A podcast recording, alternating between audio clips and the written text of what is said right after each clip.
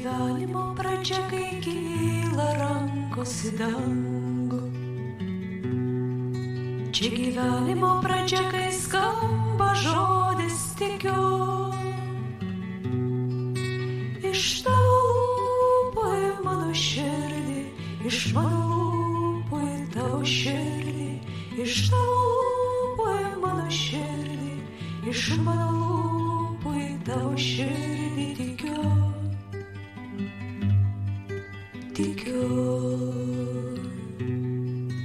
Iš tavo lūpų į mano širdį, iš mano lūpų į tavo širdį tikiu. Tikiu. Sveiki, mėlyjeji mano bičiuliai ir visi tikėjimo piligrimai. Šiandieną mes vėl mėginsime rasti atsakymą į klausimą, kurgi yra Dievas karo metu. Praeitą sekmadienį aš kalbėjau apie tai, kad pirmą mes turime užduoti klausimą, kur yra žmogus. Ir mes pamatėme, kad žmogus gali būti arba gėrio, arba blogio pusėje. Dievas apdovanojo žmogų laisva valia. Ir laisva valia yra valia rinktis ne tik tai, kas gera, bet ir tai, kas yra bloga. Ir pasirinkęs blogą žmogus sėja mirtį. Todėl vyksta karai, nusinešantis na, tūkstančių, šimtus tūkstančių, kaip antrojo pasaulinio karo metu milijonus žmonių gyvybių. Ir iš tiesų mes dar nežinome, kiek gyvybių nusineš šitas karas. Bet faktas yra tas, kad jis vyksta dėl žmogaus blogos valios, dėl blogo pasirinkimo. Na, tiems žiūrovams, kurie dar nesate šio kanalo prenumeratoriais, štai žinutė, tapkite ir palaikykite šį kanalą, būkime bendra keleiviais tikėjimo kelionėje, aiškindamiesi ir nelengvus, sunkius klausimus, kaip šis, kur yra Dievas karo metu. Taigi šiandien aš noriu pažiūrėti į šį klausimą, svarstydamas, atsakydamas į jį dar dviem pjūviais.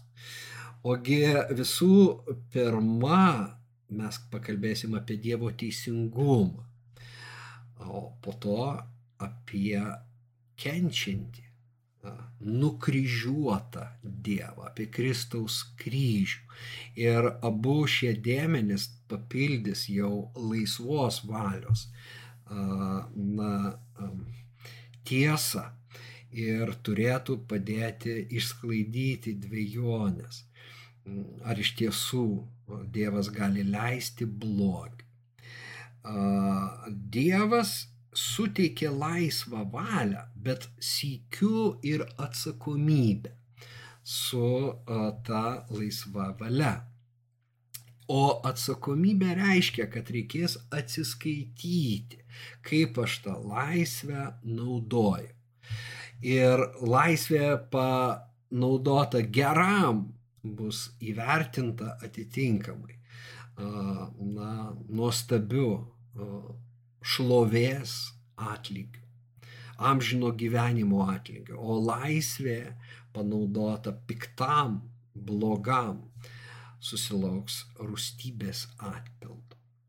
Bet pradėti aš norėčiau nuo vienos ištraukos iš Dostojevskio romano Broliai Karamazovai, nes ten mes sutinkame agnostiką, ateistą, Ivaną Karamazovą, kuris niekaip negali sutikti su tuo, kad Dievas leidžia kentėti ir ne tik tai nekaltiems žmonėms, bet visų pirma vaikams. Taigi paskaitome tą ištrauką.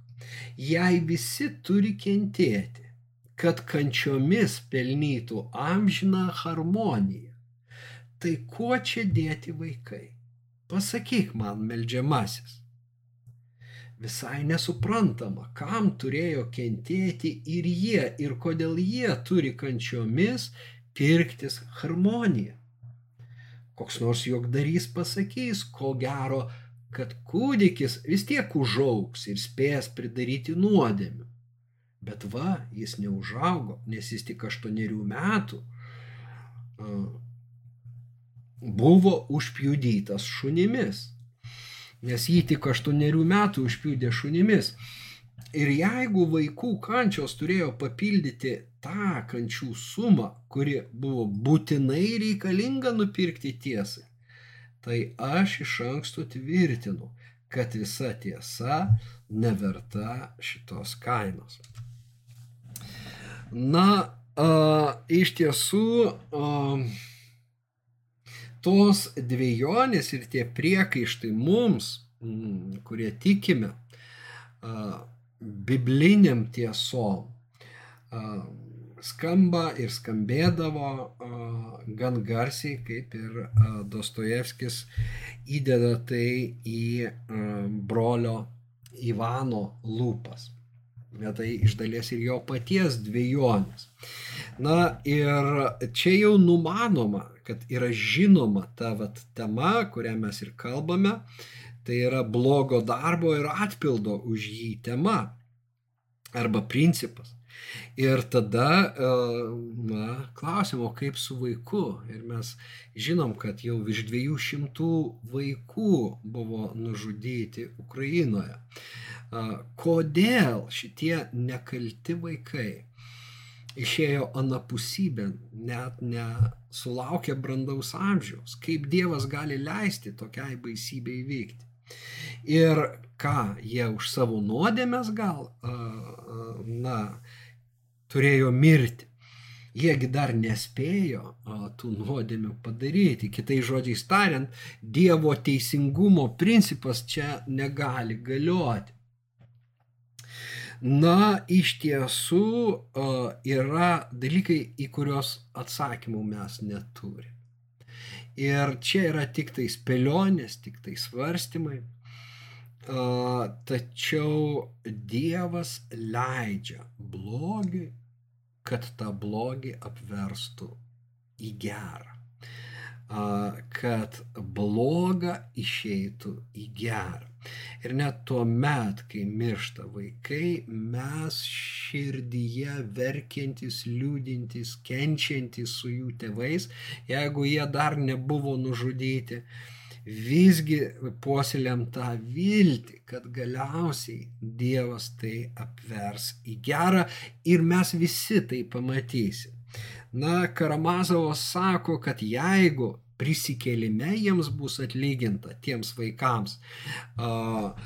Tai aš noriu tai matyti, aš noriu būti prikeltas, kad pamatyčiau tą atpildą. Va, galbūt šitas Karamazovo uh, lūkestis ir reikalavimas būti prikeltam, na, uh, gyvenimui, todėl kad jis nori pamatyti atpildą nusikalteliui uh, ir paguoda na, amžiną gyvenimą tam nekaltai nužudytam vaikui. Beje, ten, kas skaitė romaną, žinote, kad jis turi omeny vieną rusų armijos generolą, kurio uh, vienas iš medžioklinių šunų um, buvo pa, uh, sužeistas ir jis pastebėjo jį šlubojant ir išsiaiškino, kad tai vaikas uh, metė į akmenį.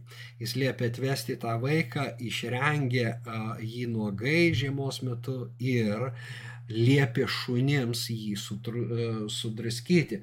Štai toks kontekstas yra šitos ištraukos ir aštuon, aštuonerių metų vaikutį sudraskė generolo šunis, o jis atsipirko ten kažkokiu papeikimu iš savo uh, vadovybės. Beje, Dostojevskis šitas istorijas imdavo iš laikraščių iš tikrųjų uh, Rusijoje tuo met vykusių istorijų.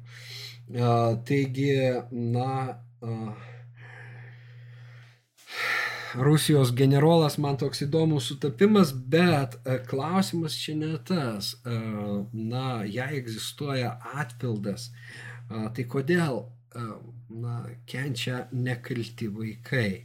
Ir čia yra vat, būtent tas klausimas, kur mes negalim iš karto įrodinėti. Mes vilėmės, kad galiausiai jų kančia išeis į gerą. Bet šiandien tenka verkti su jų tėvais, artimaisiais ir aš tikiu, kad verkia dangus dėl tų šimtų nekaltų vaikų, nekaltai už nieką pražuvusių Ukrainų. Na, uh, Pats principas, atpildo principas yra aiškiai įvardintas laiške romiečiams, kad Dievas kiekvienam atlygins pagal jo darbus. Tiems, kurie ištvermingai darydami gerus darbus ieško šlovės, garbės ir nemirtingumo amžinojų gyvenimų, o savanaudžiams, nepaklūstantiems tiesai ir neteisybę pasitikintiems, rūstybę ir pikčių vargas ir suspaudimas kiekvieno blogą darančio žmogaus sielai.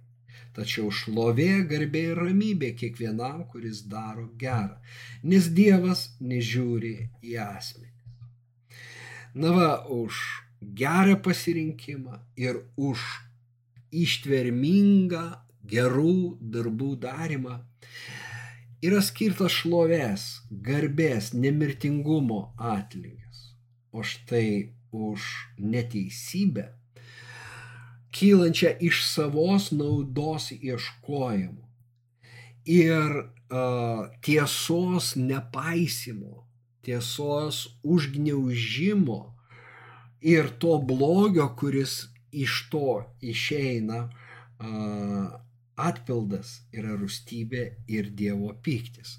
Dievas atlygina.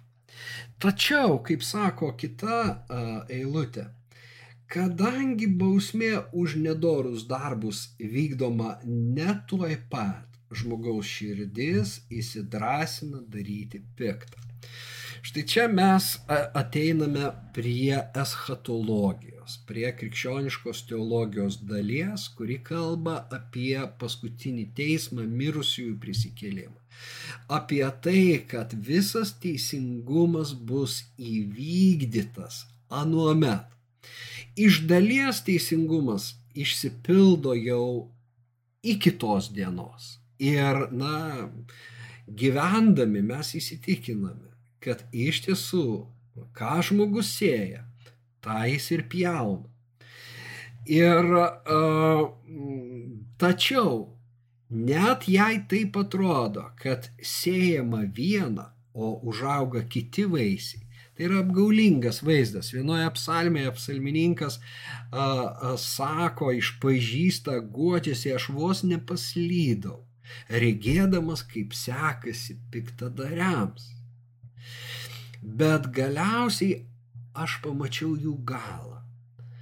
Ir tai mane sustiprino, nes prieš tai jis skundžiasi, nejaugi aš veltui ploviau rankas, nejaugi aš veltui laikiausi įsakymų ir skaistinau save. Negi tai tuščia. Ne, galas, va, tas eschatologija, mokymas apie galą, apie pabaigą. Ir nedorelių pabaiga yra baisi teisiųjų a, nuostabi amžinas gyvenimas.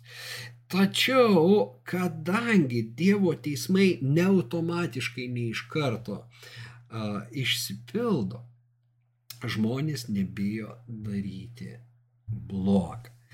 Ir, na, tas pas pasakytina apie karus ir konkrečiai apie šį karą kalbama, kad Putinas na, nebebijojo netgi to vakarų na, sankcijų, to spaudimo, kurį sudarytų sankcijos, kažkokie tai atsakomieji veiksmai į karą, kadangi jau ilgą laiką nebūdavo. Jis, na, užėmė Gruzijos dalį, Rusija užėmė Krymą, užėmė Donbasą. Ir net iš, sakykime, valstybių, kurios šiaip, na, labai griežtai žiūri į žmonių teisės, į, į valstybių suverenumą ir paprastai iš jų pusės nebuvo jokio na, jokios reakcijos atitinkamos. Tačiau taurė buvo perpildyta pradedant šį karą prieš Ukrainą pilnu masteliu. Ir staiga vakarų valstybės, ir ne tik vakarų, pasaulio valstybės, Japoniją galim iš rytų paminėti, na netgi ta pati Kinija sako, kad trečio pasaulinio karo nereikia. Visas pasaulis susijungia ir duoda atkirti atpildą, stojasi Ukrainos pusėn ir padeda jai, kad blogis būtų nugalėtas. Kad, na, Rusija kaip valstybė agresorė, valstybė remianti terorizmą pati esanti teroristinė valstybė būtų ne tik sustabdyta, bet ir nusilpninta, na, mažiausiai dešimčiai metų į priekį. Štai tai atvirai šiandien yra e, kalbama. Ir tai būtų tas žemiškas jau, na, teismas artėjantis. Vėlgi, dar nėra pergalės, dar, dar nėra a, tos regimos pergalės, tačiau jau lūžio taškas įvyko. Taip bent, na, kalba visi po, a, karo ekspertai, politikos apžvalgininkai. Na ir aš pilnai jiems pritariu. Iš, iš dalies viduje jau uh, tą viltį puoselėjau nuo pat karo pradžios, netgi iki karo, galvojant apie tai, kad jis gali ateiti. E, ir tuo labiau dabar esu įsitikinęs, kad, na, pergalę šves ukrainiečiai. Bet, na, iki tos pergalės, iki teismo reikia geležinės kantrybės. Ir va čia yra ta pamoka, kurią mes turime išmokti. Kitas dalykas, um, na, ne kitas, ki, kita vieta, kuri tą pačią mintį labai aiškiai įvardina, tai yra 75 psalmė. Kai ateis mano skirtas laikas, teisiu teisingai. Atkreipkime dėmesį, kad teismui yra skirtas laikas. Nors žemė drebėtų ir visi gyventojai joje, aš laikau jos tulpus. Kokia kataklizma bekiltų žemėje, kokie karai joje bevyktų, Dievas, jos kurėjas laiko jos tulpus, kitai žodžiai tariant, be jo valios šita žemė tikrai nesugrius. Bet štai kvailiai yra priežastis dėl to, kad dreba ta žemė nuo a, raketų, nuo bombų, nuo a, sprogdinimų. Nes yra tie kvailiai ir yra tie nedoreliai, kuriems Dievas sako, nesididžiuokite, nekelkite savo rago į aukštybės, nekalbėkite įžūliai prieš Dievą. Ir Truputį toliau sakoma, Dievas yra teisėjas. Vieną jis pažemina, o kitą išaukština. Viešpas laiko rankoje taurę pilną putojančio vyno su karčiom priemaišom. Iš jos turės gerti visi žemės piktadariai, net ir mieles išsiurbti. Iki pat dugno. Atpildas yra toks. Na, Jėzus viename pamokyme, kalno pamokslė sako, neišeisi iš ten, kol negražinsi visos skolos. Reiškia, teks išsiurpti net melės iki galo išgerti rūstybės taurę. Sako, na, psalmininkas ir patikina mus, kad Dievo teisingumas nepajudinamas ir kad uh, Dievas teisėjas galiausiai atlygina kiekvieną darbą, ar jis būtų geras ar blogas ir visai nesvarbu, kas jį daro.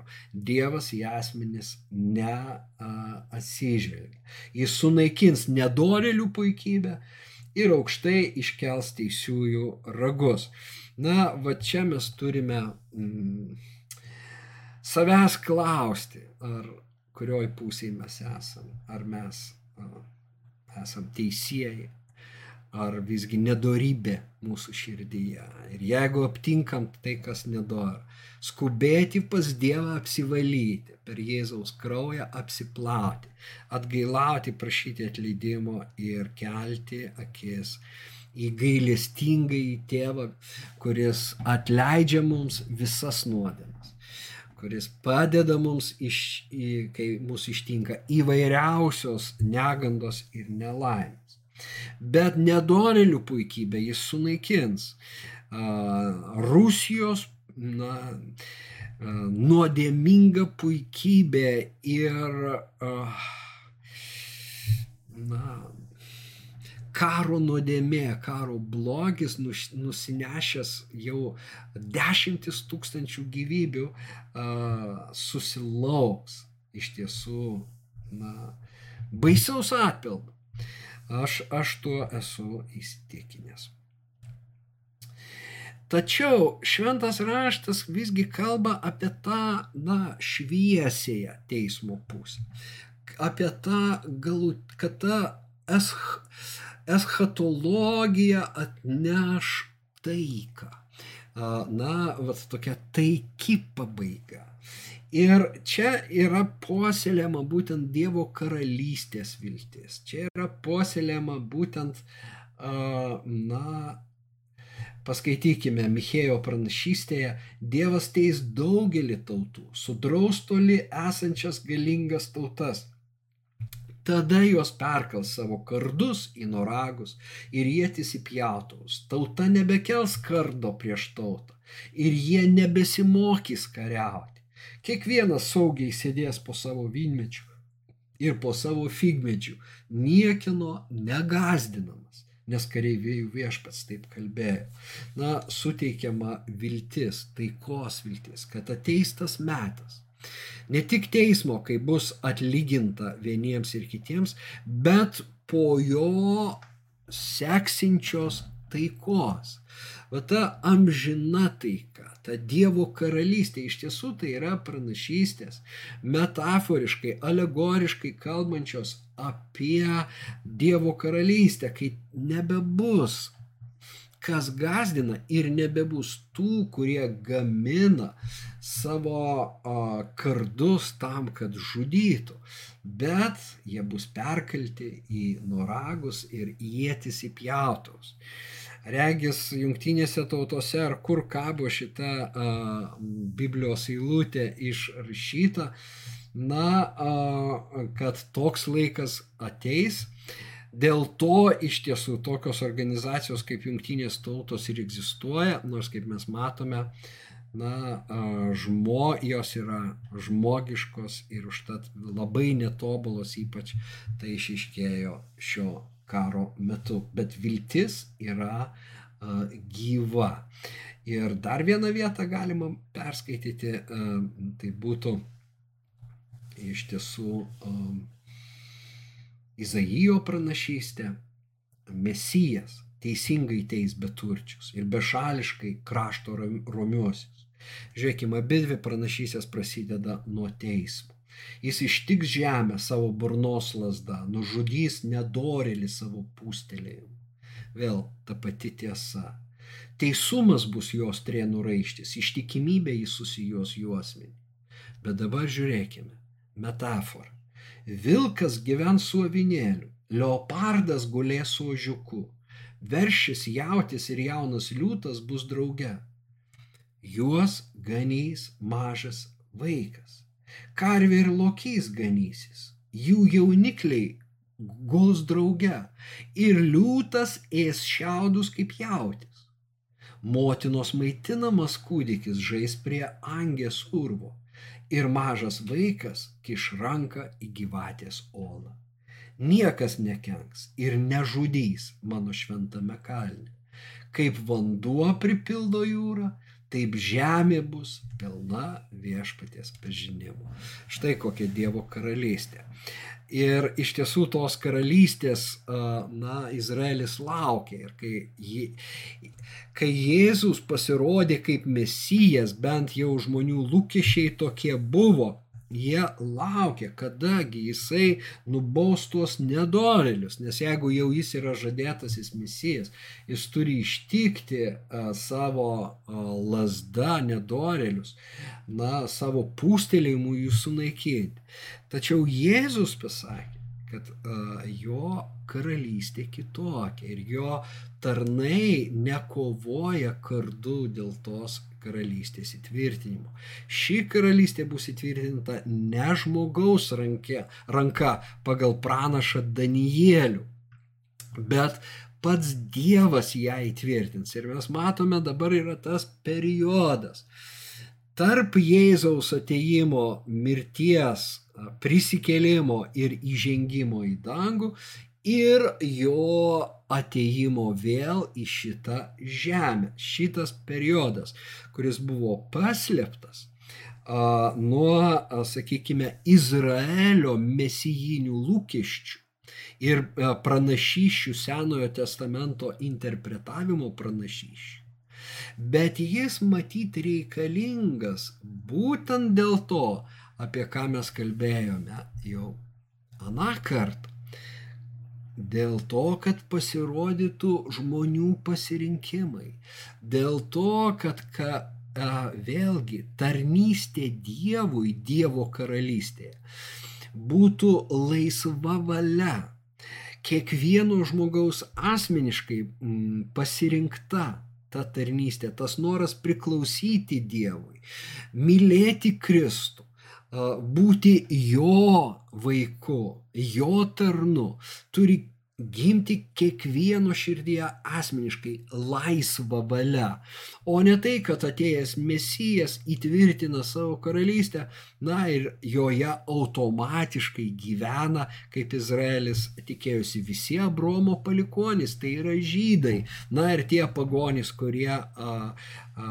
na, taps a, Izraelio tautos dalimi. Ne, viskas yra kitaip ir vat štai kodėl tas laisvas pasirinkimas galioja ir čia, dabar, šiuo metu laisvai pasirinkti Dievą, Kristų, jo dovanotą išgelbėjimą.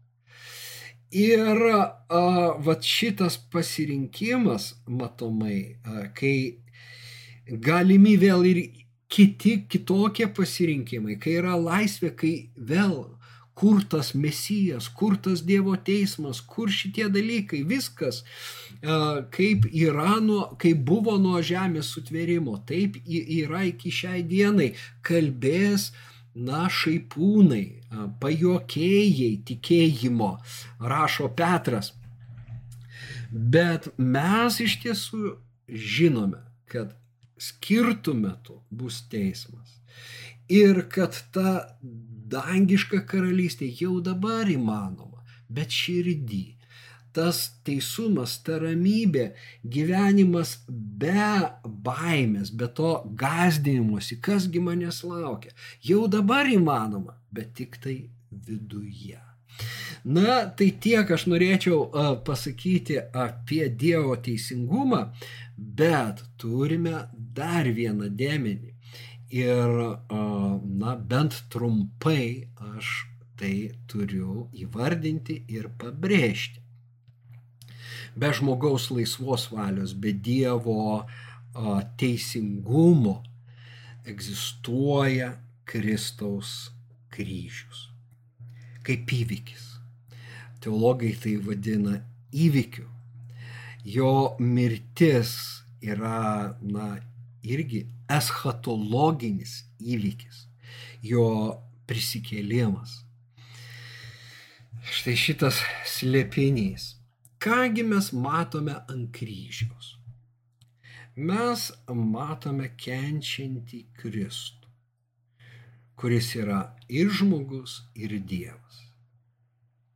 Todėl galime sakyti, kad ant kryžiaus kenčia Dievas, kad Golgotoje buvo nukryžiuotas Dievas. Jurgenas Moltmanas yra a, parašęs knygą Nukryžiuotas Dievas. Tai vokiečių teologas, kurioje jis svarsto ir būtent blogio klausimą ir sikių karo klausimą. Taigi, kur Dievas karo metu, Moltmanas atsako ant kryžiaus. Jis yra ten su ukrainiečiais. Dievas yra su tais, į kuriuos šaudo. Jis yra su tomis moterimis, kurias prievartauja. Jis yra su tais vaikais, kurie niekinami ir nužudomi. Arba tiesiog žūsta. Dievas yra ten, jis yra juose. Taigi, kur yra tas Dievas? Kristaus kryžius mums atskleidžia kitokį Dievą, kenčiantį Dievą. Ir pranašystės iš tiesų kalba apie kitokį mesiją, kenčiantį uh, Dievo tarną. Apdainuoja Izaijas. Ir uh, tai mums labai keičia vaizdą. Jeigu mes pakankamai apie tai mąstytume, mes pradėtume suprasti ne tai, kad toks blogis panaikina Dievo realybę arba tai, kad Dievas gali egzistuoti. Bet mes taiga pamatom, kad palaukite, Dievas yra. Ne tik yra, jis yra ten, jis yra juose, jis yra su tais nekaltais žmonėmis, kurie yra naikinami, žudomi. Ir jis yra su tais kariais, kurie teisingai gina savo tėvynę.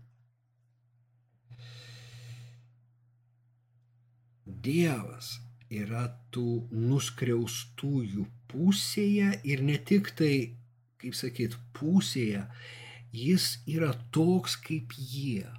Štai ką Kristaus kryžius mums byloja. Kristus susitapatino su mumis, jis nusileido žemiausiai, jis nusirengė savo dievišką rūbą, atidėjo į šalį savo dievišką šlovę ir tapo vienu iš mūsų. Todėl jisai supranta, jis užjaučia kiekvieną. Jis mirė pačia gėdingiausia mirtim. Kaip miršta šiandien tie žmonės baisiom mirtim tai juose jisai anuomet mirė. Galim būtų taip sakyti, tai jie jame anuomet mirė, tai jis šiandien juose miršta. Dievas miršta juose. Štai čia ir yra ta Dievo mirties teologijos gaida, viena iš, vienas iš tų motyvų.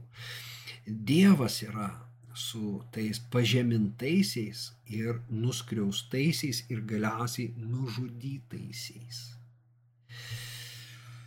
Tačiau kryžiaus mirtim nieks nesibaigia, yra tre, trečios dienos viltis, yra prisikėlimo įvykis, kuris atbaigia jo kančią. Ir todėl tie žmonės tikrai kelsis na, prisikėlime gyvenimui.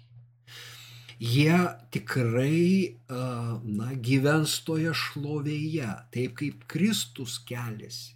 Jis yra nužudomas, bet jisai yra prikeliamas.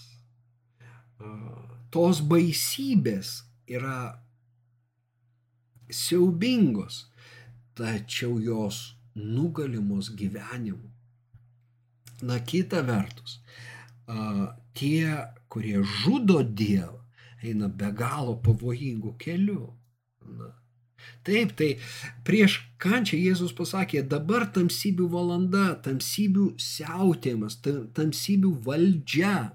Dabar yra va ta valanda, valandėlė, nedaug, yra skirtas laikas, leidžiama tai daryti. Tačiau po to tamsa bus sunaikinta šviesos ir jinai bus pasmerkta.